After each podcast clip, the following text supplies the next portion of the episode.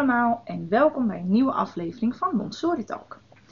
We zouden het gaan hebben over triband verantwoorden, maar helaas, uh, het is een beetje druk aan het einde van het schooljaar en onze gast uh, had helaas uh, andere afspraken in zijn agenda staan. Dus we hebben even een wijziging van ons onderwerp. En wat gaan we nu doen? Ja, we hebben toch even nagedacht, want wat ook interessant is om te weten, wat doe je nou na, dat eer, na die eerste aanbieding? He, je hebt je lesje gegeven en dan? Want het eerste lesje, ja, dat kan iedereen dromen en anders kan je het opzoeken in je Montessori materiaalboek of op internet of nou, kan je het wel bedenken. Maar wat dan? Maar wat dan? Wat daarna? Hoe laat je het kind achter? Uh, wat mag het kind eigenlijk überhaupt met het materiaal? Uh, er is zoveel welke verwerkingen koppel je eraan of juist niet? In hoeverre laat je ze vrij? En moeten alle verwerkingen door alle kinderen gedaan worden? Wanneer vind je het oké? Dus dat zijn hele interessante vragen. En vandaag gaan we uh, die vragen eens even loslaten op de zintuigelijke kast. Want daar staat zo ontzettend veel in. Neem nou bijvoorbeeld de rostorf. Ja. Waar begin je mee? Nou, je begint, tenminste, ik begin toch wel vaak met het namenlesje. Nou, ik kijk wel even, ja. Ja, nou, ik, ik ga laat het eerst toch eens even pakken. Dat moet wel volgens op mijn manier. Dus met twee handen, één kubus tegelijk. Ja, nee, dat is waar. Daar begin je inderdaad mee. Want dat pak ik zelf niet. Ik pak je altijd eerst de eerste blok. En daarna zeg ik, doe het maar na, loop maar mee. Leg het maar op het kleed inderdaad. Het ligt er ook even aan wat voor kinderen je binnenkrijgt. Ik heb dit jaar best wel sterke uh, kleuters die binnenkomen. Dus ja, die geef ik eigenlijk gelijk een namenlesje. Want die, die bouwen dat ding zo snel ja. op. Nou, soms weten ze het al. Dan vraag ik, hè, van uh, wat zie je hier aan? Ja. Wat weet je al hiervan? En omdat je toch niet, mij lukt het niet altijd om meteen vanaf de kast naar het kleedje al die 10 kubussen te wachten tot ze daar liggen. Om dan meteen op dat kind meteen door te kunnen pakken. Soms gebeurt er toch nog iets. Of zit ik nog net even in mijn grote ronde. Dus heb ik ook even het moment om te kijken. Maar wat doen ze nou eigenlijk met het materiaal wat ze hebben gepakt? Dus heel even kijken. Um, gaan ze zelf op onderzoek uit? Zijn ze al een beetje aan het experimenteren? Uh, soms komt die toren vanzelf, of die reeks hè, met de gele cilinders of de rode cilinder, komt die reeks er dan vanzelf. En we hebben ook gehad dat we kinderen al kregen van onze Montessori peuterspeelzaal, of een Montessori kinderdagverblijf, Montessori peutergroep. Ja, en die kinderen die zijn eigenlijk al bekend. Want ja, ook de roze toren of de, uh, het cilinderblok of ja. de gekleurde cilinders, die gevoelige periode daarvoor zit toch wel duidelijk voor het vierde jaar. Ja. En toch bied ik hem wel aan bij alle ja, vierjarigen. Absoluut, want hij blijft in de kast staan ook. En er zijn ook kleuters die binnenkomen die helemaal geen idee hebben daarvan. Um, maar naast het feit dat je het hebt over begrippen en over reekses, is uh, de handelingen voor de fijne motoriek natuurlijk ook gewoon heel erg prettig. Vooral met die cilinderblokken. En um, daar gebruik ik hem soms toch ook wel eens wat vaker voor dan, zo, dan zozeer de reeks maken. Ja, dan heeft het een ander doel Ja. voor jezelf. Ja. Ja. Ja, en ik, kan, ik kijk toch ook wel van hoe taakgericht werkt het kind ermee. En als het niet taakgericht ermee werkt, is het niet meteen zorgelijk of... Nou ja, dan was dit misschien het materiaal er niet voor. Maar je kan er wel op, nieuwe observaties uithalen of ermee verder gaan. Dus ja, zodra het, eh, ik het materiaal geïntroduceerd heb van hier staat het en we gaan ermee werken op een kleedje. Ja. Nou, dan brengen we het. Zijn ze ook lekker aan het bewegen. Eh, dat hele bewegend Ja. leren, dat is nu eh, een hot item. Dat zit hier ook in. Ze, kunnen, ze voldoen een beetje aan die bewegingsdrang die ze hebben. En het ene kind heeft daar nog meer behoefte aan dan het andere kind. Dus dat kan je meteen heel goed observeren en ook toepassen met het materiaal. Ja, en zodra ik weet of ze die begrippen kennen, groot, klein, maar ook de overtreffende trappen, ja, dan kan ik doorpakken met een reeks maken. En vaak is dat heel eenvoudig, dus kan je heel snel gaan combineren, want dat doe ik Ja. dan wel snel. Ja, dat doe ik. Met zintuigelijk Ja. combineer ik ook wel vaak. Ehm, we hebben natuurlijk ook kaarten daarvan, van wat je voor materialen kan koppelen. En neem dan bijvoorbeeld de bruine trap en de rode cilinders, want die reeksen die zijn natuurlijk eh, gelijk aan elkaar. Het materiaal is alleen anders. En als je ziet dat dat goed gaat, dan gooi je er weer wat anders in. Maar die kaarten hebben wij op de bak staan, of eh, in een bak op de kast staan.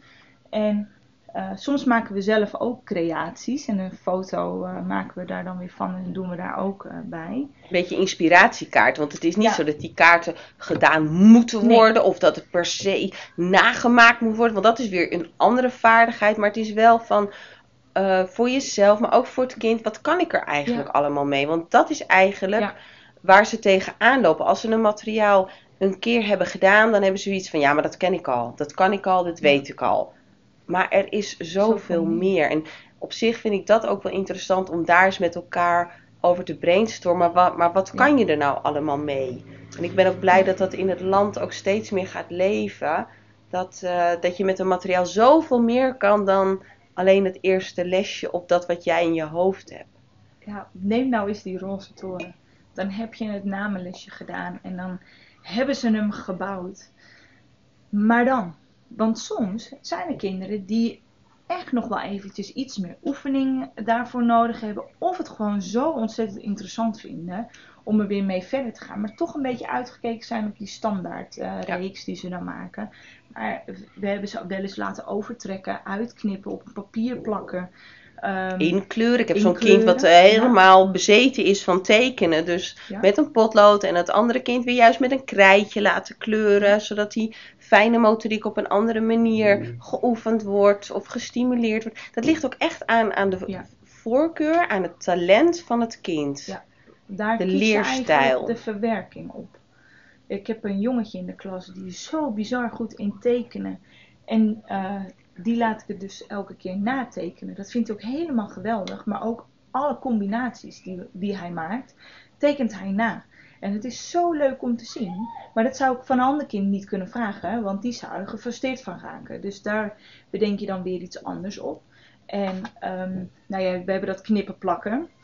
Uh, dat is een hele goede oefening voor fijne motoriek. Maar er zijn ook kinderen die na twee of drie uh, blokken uitknippen er ook echt zat van zijn en dan niet meer verder willen. Dus dat zijn dingen waar je ook rekening mee moet houden. Kinderen die het lastig vinden, um, dat je toch op een bepaalde manier ze daar iets bij helpt. Door bijvoorbeeld het al um, op een blad omgetrokken te hebben, bewijzen van.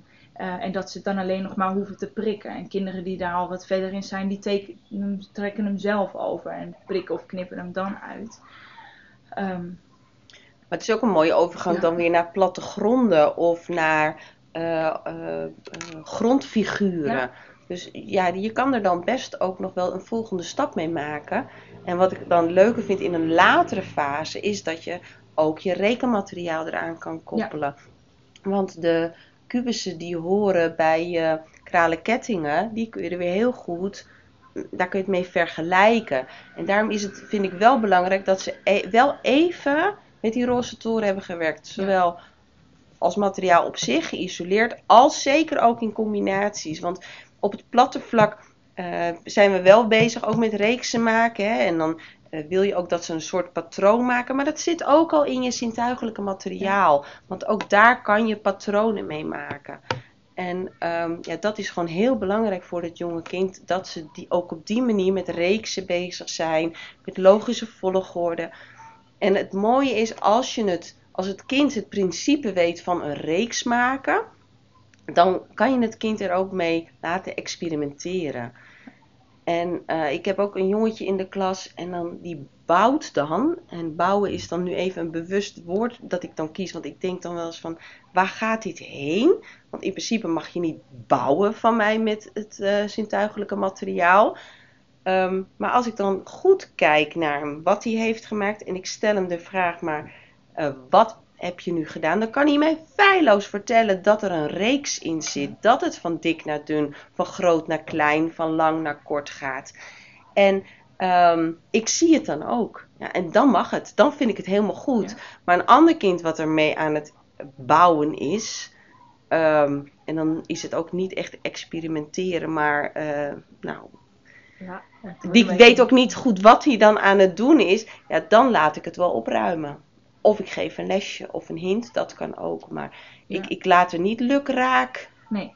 iets mee doen. En er komen ook geen auto's bij en, Nee, en, en dat absoluut soort attributen. Ik heb één keer gehad dat er twee jongens, eh toen waren we met thema ridders bezig, dat ze een kasteel aan het maken waren. En het is zo belangrijk om te blijven kijken van wat gebeurt er, wat zie je en vragen, vragen stellen.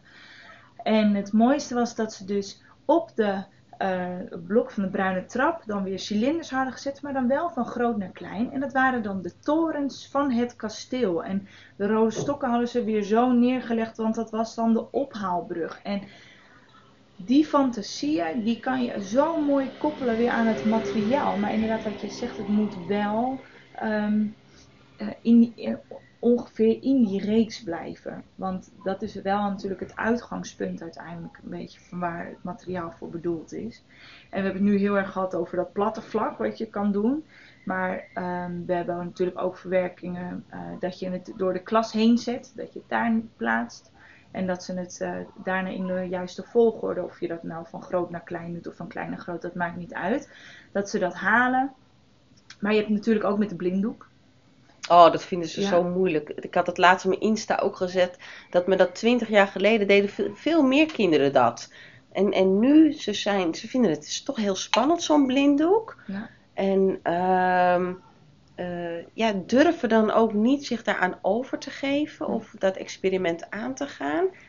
En hebben dan echt jouw veiligheid, je directe veiligheid en nabijheid wel nodig. Maar het is wel heel mooi, omdat dan het ook echt uit het gevoel van het kind komt. En het niet alleen een visueel eh, eigenschap heeft, maar dat, dat het ook echt een motorisch iets. Ja, dat, die dat je voelt, die tast, Ja. ja. Ja, ik, Meer beleving.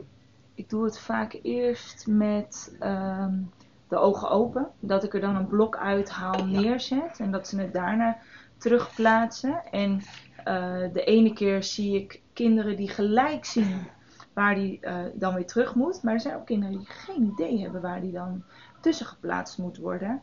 En die laat ik dan verder gaan zonder die blinddoek. En soms geef ik dan toch wel weer bij de kinderen die het al wel gelijk zien de, de blinddoek, zodat ze het samen kunnen doen.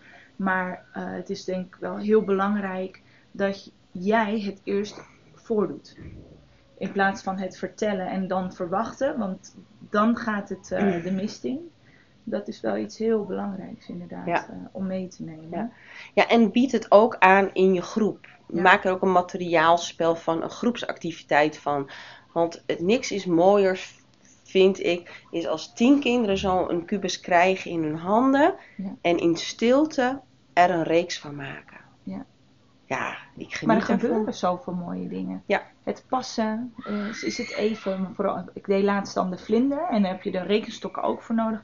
Maar welke is dan even lang? Want stok 10 kan ik 10 vakjes optellen, maar dat kan niet op een rode stok. Dus hoe, hoe los je dat op? Hoe kom je daarachter? En eh, ook voor het samenwerken is dat zo ontzettend fijn. En ehm, wij werken dan ook met 30 dagenplannen voor onszelf. En toen heb ik de zintuigelijke kast is centraal gesteld. We doen gewoon elke week één les uit die kast. Maar gewoon echt met z'n allen. En als je dan ziet hoe het leeft, maar blijft leven. dus ja, dat is gewoon prachtig. Het is gewoon ontzettend mooi om te zien. Dus Ja. eh, ga eens je kast in, ga eens kijken en nadenken over wat je ermee doet, wat je er nog meer mee kan doen. En vooral doe het samen. Ja, en ga het gesprek ook aan met de kinderen. Ja. Want ik zei net wel, hè, die rosse toeren doe ik dan in stilte. Maar dat betekent niet dat alle materiaalspelen bij mij in stilte zijn. Want ik vind juist het gesprek wat onderling plaatsvindt heel belangrijk. Ik Ja. ben stil. Ja. En wat daar gebeurt, ja, dat is heel mooi om te zien. En ik vind echt voor het onderbouwkind, vind ik die zintuigelijke kast zo belangrijk. Omdat er zoveel ervaringen in opgedaan worden. Zoveel termen en woorden aangegeven eh, kan, kunnen worden. Ehm, zoveel rekenbegrippen ook in verwerkt zijn. Dat, ja, dat, dat- die heeft echt, die moet op een pronkstuk staan. Ja. Daar moeten we mee verder. Ja, dat, het, is, het is eigenlijk de, vind ik, een van de belangrijkste kasten Het is de basis om verder te gaan. voor de onderbouw. Ja. Maar ook alle executieve functies zitten erin verwerkt. Eh, er- je kan een link leggen naar, naar het kosmisch geheel. Ehm, ja. Ja. Daar moeten we echt meer mee doen. Ja. Schrijven, lezen, het, het- dat is ook zeer belangrijk. En alle voorwaarden daaromtrent. Maar Maar de basis zit echt in het zintuigelijke materiaal. Want ook je geluidskokers hoef je echt niet constant individueel te doen. Die gehoorkokers, nee, Nee. laat ze het maar eens met Ja. elkaar doen. Dat is ontzettend Ja. leuk om te zien. En Ja. ook je impulscontrole, dus die executieve functies, train je weer daarmee. En eh, ze moeten daardoor echt goed luisteren, maar ook elkaar erbij helpen. Dus er valt zo ontzettend veel mee te doen. Mocht je nou zelf ook eh, iets leuks hebben, een leuke verwerking eh, of een foto, kan je het natuurlijk altijd naar ons sturen op Instagram. Of als je een vraag hebt, dan mag dat natuurlijk ook. En dan geven we je daar antwoord op. Maar voor nu is deze wel even goed. Ja, Ja, we hopen dat iedereen aan de slag gaat. Dat je weer geïnspireerd bent om verder te gaan. De volgende podcast hebben wij eh, een nieuwe gast uitgenodigd. En gaan we het hebben over het jonge kind. Dus dan hopen we jullie weer eh, te kunnen inspireren. En we hopen ook dat jullie weer gaan luisteren. Dus tot de volgende keer.